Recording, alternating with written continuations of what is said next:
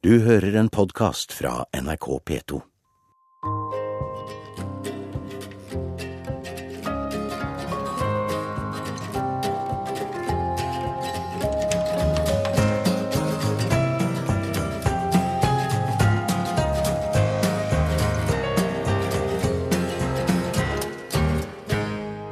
Mitt navn er Jørgen Skavlan. Jeg er lege, jeg er skribent, foredragsholder og sikkert en smule besserwisser. Jeg skal i løpet av en time få snakke til deg her på P2. Om livet, om jobben, om hva jeg nå har lært etter å ha hatt ca. 150 000 pasienter inne på kontoret, riktignok én av gangen. Hva kan jeg gjøre for deg i dag, har jeg sagt 150 000 ganger. Like mange svar jeg har fått, og like mange løsninger har jeg skissert. Noen gode, noen dårlige. Det er bare én ting du aldri må si til en norsk pasient, sier jeg til studentene mine som av og til sitter noen uker på mitt kontor for å lære. Si aldri de to små ordene og ellers. Det må man ikke si til Ola Kari om man skal overleve min hverdag.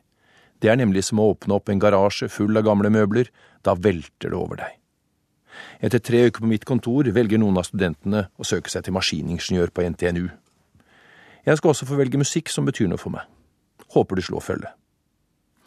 Ungdommen har så dårlig diksjon, får jeg ofte høre fra eldre pasienter, også over 50. Du tror ikke det har noe med hørselen din å gjøre, da, forsøker jeg forsiktig å argumentere, og ser da desperasjonen fylle øynene til stakkaren som sitter foran meg og sliter med forfallet. Ungdommen har nemlig ikke dårlig diksjon, men vi over 50 har ofte dårlig diskriminering. Vi greier ikke skille lyder, og vi har en tendens til å fornekte det fysiske forfallet med forklaringer som at ungdommen har dårlig diksjon. Min bestefar sa i ren frustrasjon opp radiolisensen sin da de i Rikskringkastingen kom i skade for å si snø istedenfor sne. Da han fikk brev fra lisenskontoret om at da ville de komme og hente radioen hans, tegnet han nytt abonnement i min bestemors navn. Nå er det min tur, og jeg føler veldig på frustrasjon over at verden er blitt nokså uforståelig, og at den går så fort. Som når den unge, vennlige ekspeditøren på Elkjøp foreslår at jeg skal all musikken min på cloud, og ikke telefonen. Da kjenner jeg at krampegråten nesten tar meg. Cloud? Hva i helvete er cloud? Snakk så jeg forstår deg, gutt, lyser i øynene mine mens hodet nikker vennlig bekreftende. Om jeg skal ha musikken min på cloud, hva skjer da i klarvær? Føler meg litt som min bestemor som trodde at en laptop var et sametelt. Jeg skjønner ikke dagens prioriteringer. Jeg fatter ikke at folk liker å sitte i en jacuzzi med 37 graders putrende barneurin, med en kald øl i hånden og synes at livet er så jævla bra. Jeg fatter ikke at folk tror på engler og energier. Jeg irriterer meg sanseløs over at folk tror det kommer helse ut av et besøk i helsekostbutikken. En butikk hvor nesten alt på hyllene går rett ut i tissen uten noen effekt i vår biologi. Jeg fatter ikke at folk tror at de kan få glatt hud, myke ledd og overskudd i hverdagen fra en kapsel produsert på Slemmestad. Jeg ler meg skakk når folk titulerer seg som juiceterapeuter og fødselscoacher. Jeg synes at alt på TV3 er for idioter, og jeg savner Rolf Riktor, Falkeklubben og Einar Gerhardsen. Før kunne jeg le av slikt, nå er det rammealvor. Hva skjer? Mister jeg grepet? Er jeg blitt en av de som skal klage over at alt var bedre før, slik som vår nasjonalpoet over alle andre, Odd Børresen? Alt går så fort i våre dager. Ikke bare tiden, ikke bare jeg skulle ønske det var meg.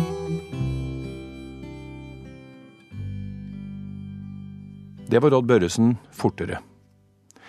Jeg tilbrakte deler av mine barndoms sommer i baksetet i en serie engelske biler.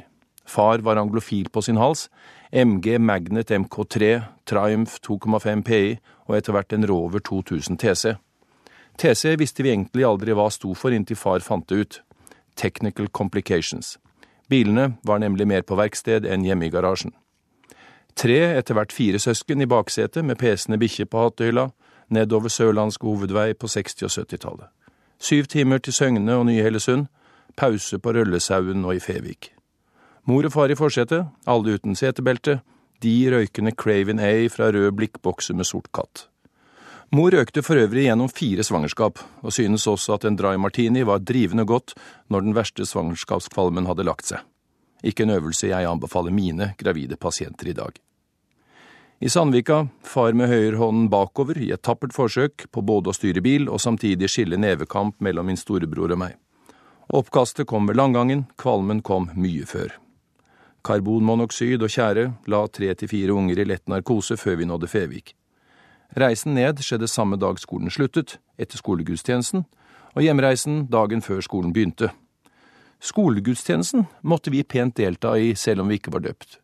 Vi fikk aldri lov til å få fritak fra religionsundervisning fordi mine foreldre ville at vi skulle erfare hvilken kuriositet statskirken faktisk var, en forening vi altså ikke var meldt inn i. Min farmor var ikke like begeistret for mine foreldres valg i ikke å døpe oss. Det var tross alt 50- og 60-tallet. Min farmors begeistring ble ikke bedre når hun fikk se min og min brors julekrybbe julen 1963. Josef var en tom flaske Noi Pra med påmalt ansikt og pålimt kappe. Jomfruen var en flaske Gordons gin med skjørt og skaut, og Jesubarnet var en halv flaske Golden Cock. Så mye for bibelsk toleranse. Toleranse var dog et viktig element for mine foreldre, som blant annet ønsket at vi barna skulle få et naturlig forhold til fargede. Dette var ikke så lett, fordi fargede var mest på film, på TV med Deep River Boys, Lille Hoa var å finne i alle barns standardverk av Torbjørn Egner, og den gangen brukte vi fortsatt negro sukkerkulør og niggerovnsverte. Alt helt uten blygsel. En dag kom en velkledd, vennlig farget mann på døren. Han skulle selge bøker. Han var ikke lysebrun, han var kullsvart. Mor grep sjansen og inviterte han inn, kjøpte alle hans bøker og inviterte han på middag. Så ringte hun far på kontoret og hvisket med øredøvende intensitet Jeg har en. Far slapp alt og ropte hold på han, jeg kommer. Og så satt vi der da, mor og far vennlig konverserende og vi fire små, storøyde, stumme og forsøkte å fordøye fiskeboller i hvit saus som aldri hadde vært så hvite. Ella Fitzgerald, som jeg senere i livet fikk se live i Chateau Neuf, var en slags husvenn. En husvenn vi aldri hadde sett. Hun summet og vugget på Gerhard platespilleren hjemme, og tekstene fra hennes songbok sitter fortsatt, 45 år senere.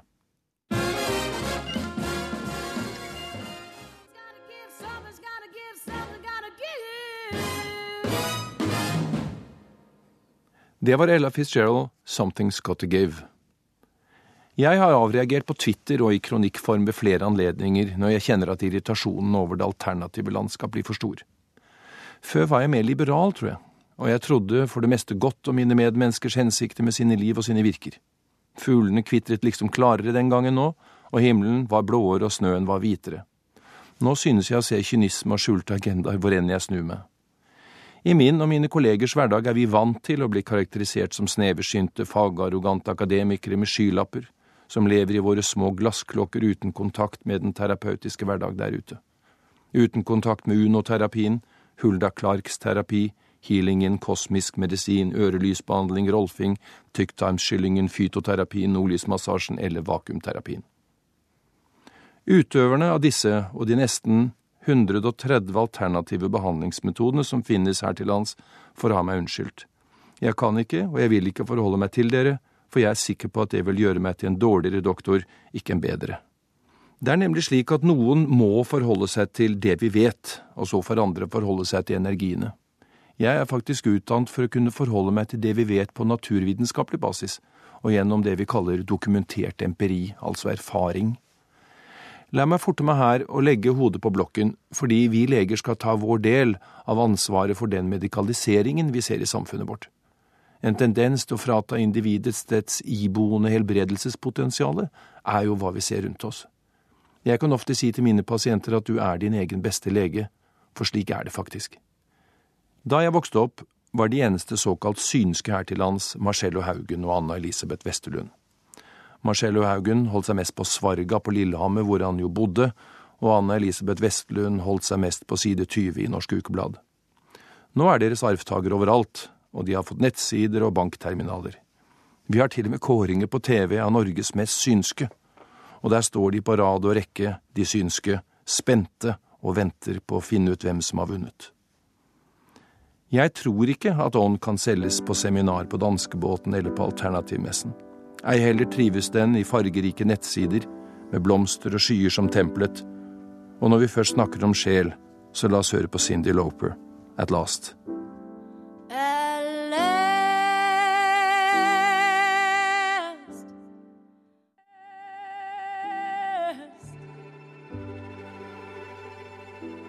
Du hører på Sommer i P2.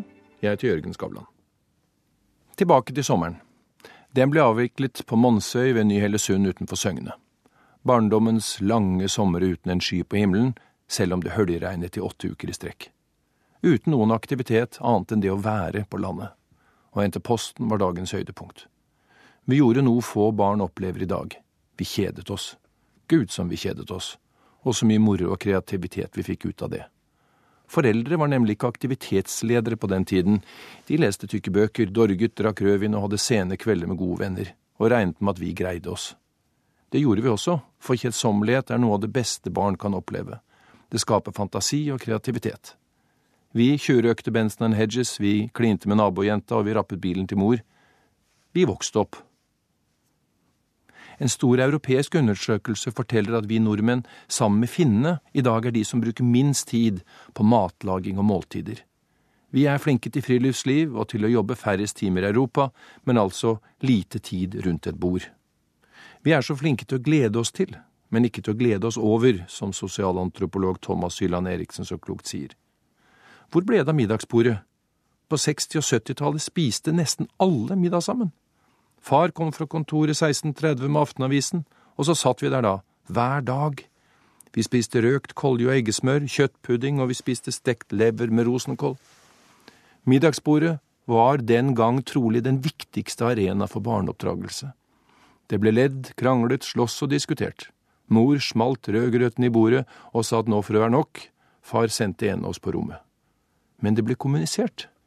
Vi lærte hverandre å kjenne, og vi lærte oss selv å kjenne, på godt og vondt. Jeg husker til og med at om noen ringte, ble det sagt Skavlan midt i middagen, og så ble det lagt på.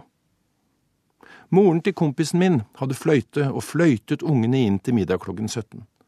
Da kom vi ned fra trær, uten hjelm, og vi visste ikke hva matintoleranse var.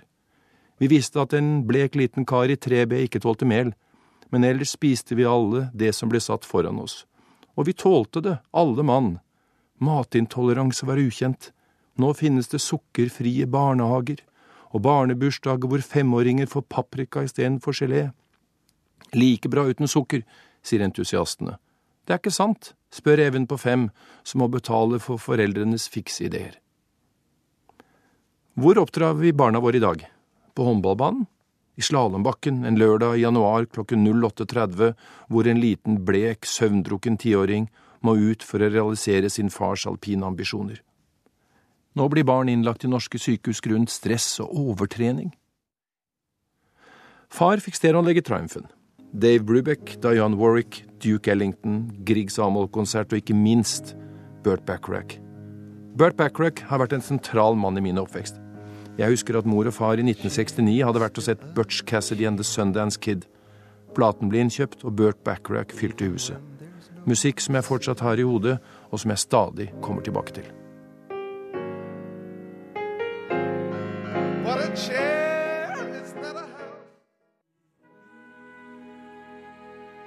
En gang møtte jeg Burt Backrack. En gammel Burt Backrack i Folketeatret, på konsertturné. Ved klaveret tok han oss tilbake, og etter konserten fikk jeg faktisk møte ham.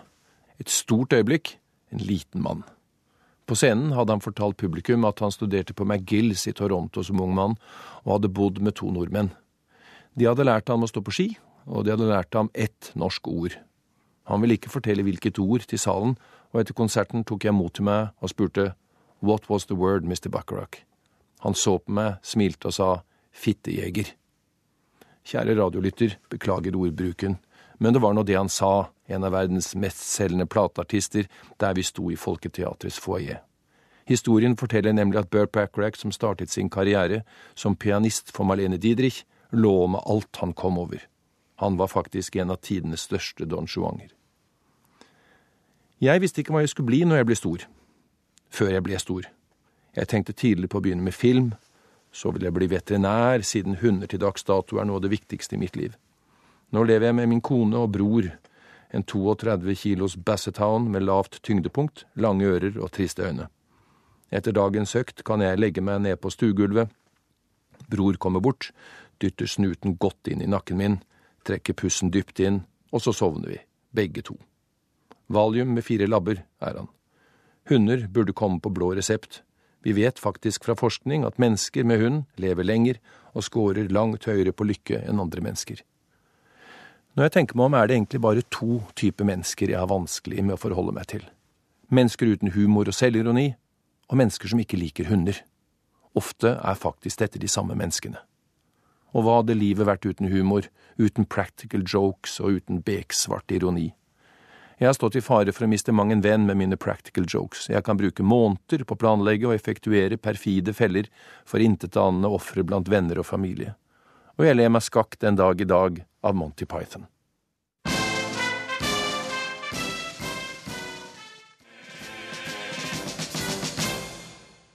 Så ville jeg bli arkitekt, men ble fortalt at da måtte jeg regne med å tegne andres ideer og ikke mine egne. Så kokte det. Når medisinen så til slutt seilte opp som et seriøst alternativ, husker jeg at min mor klokt sa du kan alltid bli lege, Jørgen, og arkitektur som hobby, men neppe det motsatte. Så hvorfor lege? Jeg hadde i årevis sommerjobb på Ullevål sykehus som portør og bademester. Med andre ord, jeg jobbet i mottaket på sykehuset. Tok imot syke når de kom inn med slag og etter ulykker. Jeg var faktisk fascinert. Når Ole Steen, som eide og drev Bjørknes privatgymnas, eller som også ble kalt Medisinefabrikken, fortalte med innlevelse om insula langerhani, de langerhanske øyer i bukspyttkjertelen eller i pankreas, som er de cellene som lager insulin, da bestemte jeg meg. Jeg skulle bli lege, og jeg skulle seile til de langerhanske øyer. Jeg dro til Dublin og studerte ved Royal College of Surgeons i Irland. Knalltøff og formende år. Her leste man til klokken 23 hver eneste dag hele uka, med fri på fredag kveld og kanskje på lørdag. Colleget ble bygget som et kirurgisk lærested til de store krigene på kontinentet i 1784. Mange nordmenn har gått der opp gjennom årene. Selve colleget, som ligger på Stevens Green, er et eventyr med anatomisal fra 1810, uforandret til dags dato. Mahognibenker hvor kroppene lå, som vi gjennomdissekerte i løpet av to år. Eksamen to ganger i uka, strøk man, var man ute. Rommet hadde et høyloftet tak med glass, og det var det eneste stedet på college hvor det var lov å røyke. Messingaskebegere på smijernsstativer sto mellom disseksjonsbordene. Professor O'Hanrahan hadde three-piece suit, stivet hvit frakk og hadde vært kirurg i London. Pensjonisttilværelsen brukte han på å gi oss all sin kunnskap, og han gikk og holdt på en lang pinsett som han pekte med og rappet oss over fingrene om vi tok stedet vi ikke skulle ta. Ingen fikk bruke hansker, og hundre studenter slåss før lunsj om tre vasker med kaldt vann uten sepe. Jeg husker fortsatt bagetter med ost og skinke og lukten av formalin fra hendene. Det glemmer man sent, men appetitten var upåklagelig. Siste året kom min kone Jannik over. Jannike, som jeg møtte som 16-åring, hvor ellers enn der hvor pene vestkantungdommer møter hverandre, nemlig i marka. I dag er vi lykkelig gift og har tre barn. Mitt musikkvalg nå er så naturlig som det kan være. Irland og min kone.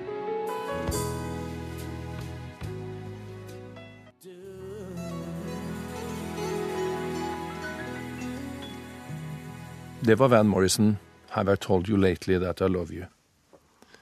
De siste studieårene tok jeg i Oslo, og med medisinsk embetseksamen i lommen dro Jannik og jeg nordover. Vel, det er ikke helt korrekt, vi ble sendt nordover. Vi ble der i over fire år, noen av de beste årene vi har hatt. Jeg holdt min kone gravid eller rammene stort sett hele tiden. Ingen stor jobb, synes jeg, når jeg ser tilbake på det. Et varmt badevann og en flaske kald hvitvin var stort sett min innsats. Først et år i Mosjøen, på Vefsn sykehus.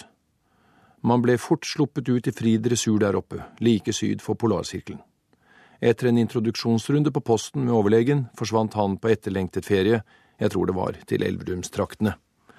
Så var det å ta visitten alene, da, på et tidspunkt ens kone fortsatt befant seg i Oslo, og flyttelasset var like nord for Majavatn. Sykepleierne var vant til unge, vettskremte gutter og jenter som fikk autorisasjon i hånden, stetoskop rundt halsen og en Widerøe billett nordover. Sykepleierne, Norges mest undervurderte yrkesgruppe, fremsto som en blanding av nødrasjon, medisinsk bibliotek og morsfigur. Mange liv er blitt reddet på norske sykehus med et bestemt lite kremt fra en sykepleier, bak ryggen til en ung lege i fritt svev med felleskatalogen som eneste fallskjerm.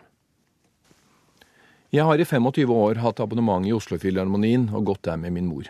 Samme seter.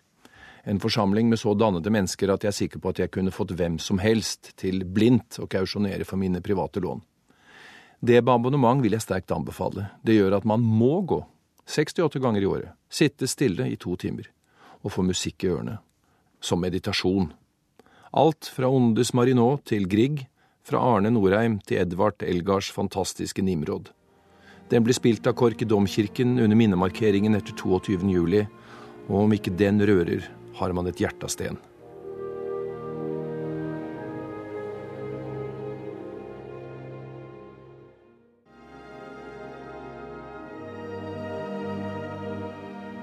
Det var Edvard Elgars Nimrod.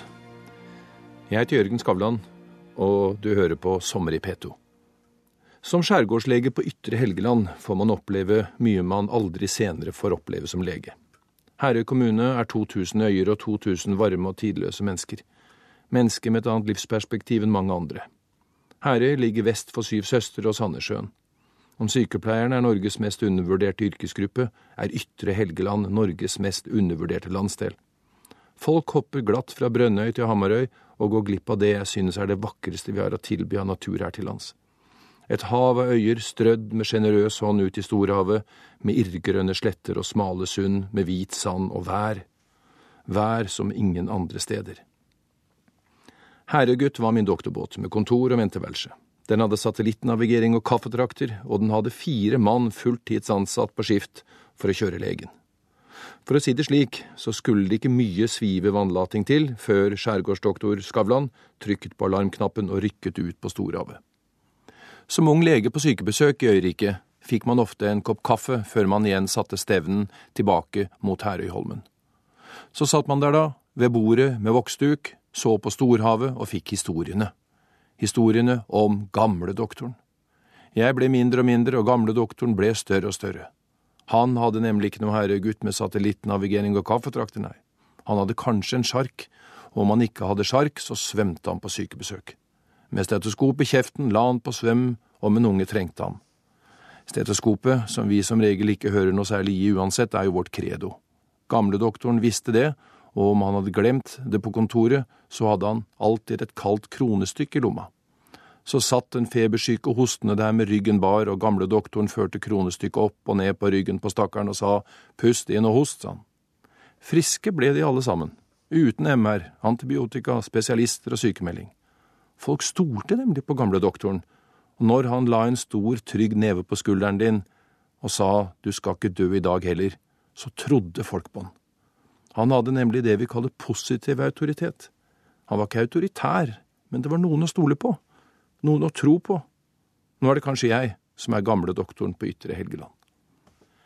I det hverdagslige perspektiv er det utrolig hvor lite vi tåler. Hvorfor vi, vikingene, de selvbergende, er blitt verdens mest sykemeldte befolkning, forundrer meg stadig. Med våre ressurser skulle man jo tro det motsatte.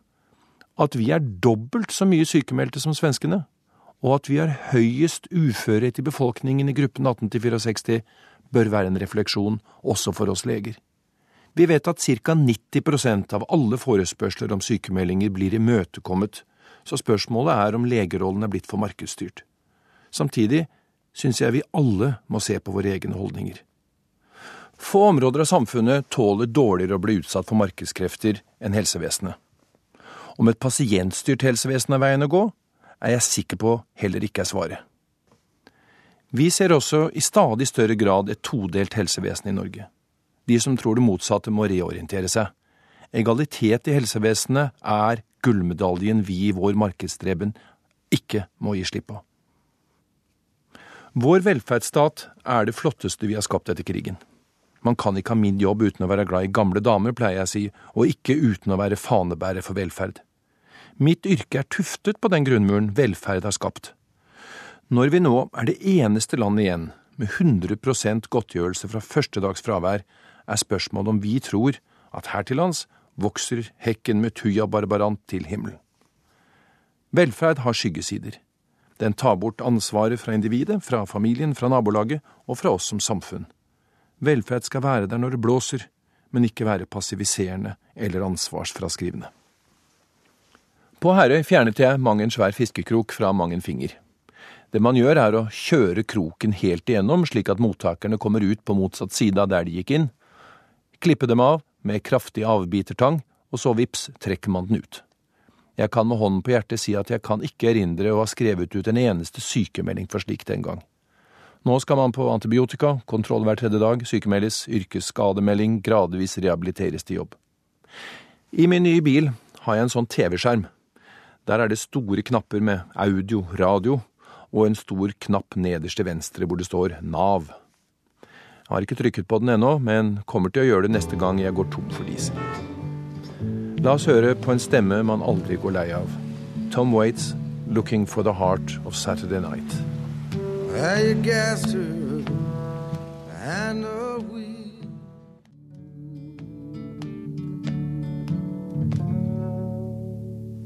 Livets tumulter gjorde at vi flyttet tilbake til Oslo. En rar avskjed fra noe vi visste vi aldri ville få igjen.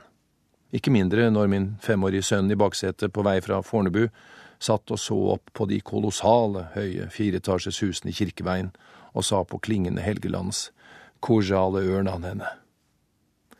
Så har årene gått. Nå må du tro at jeg har en tøff hverdag med så mye skepsis til jordas vondter og plager. Der tar du feil. Mitt yrke er en fantastisk møteplass. En gang sa jeg noe dumt i en avis.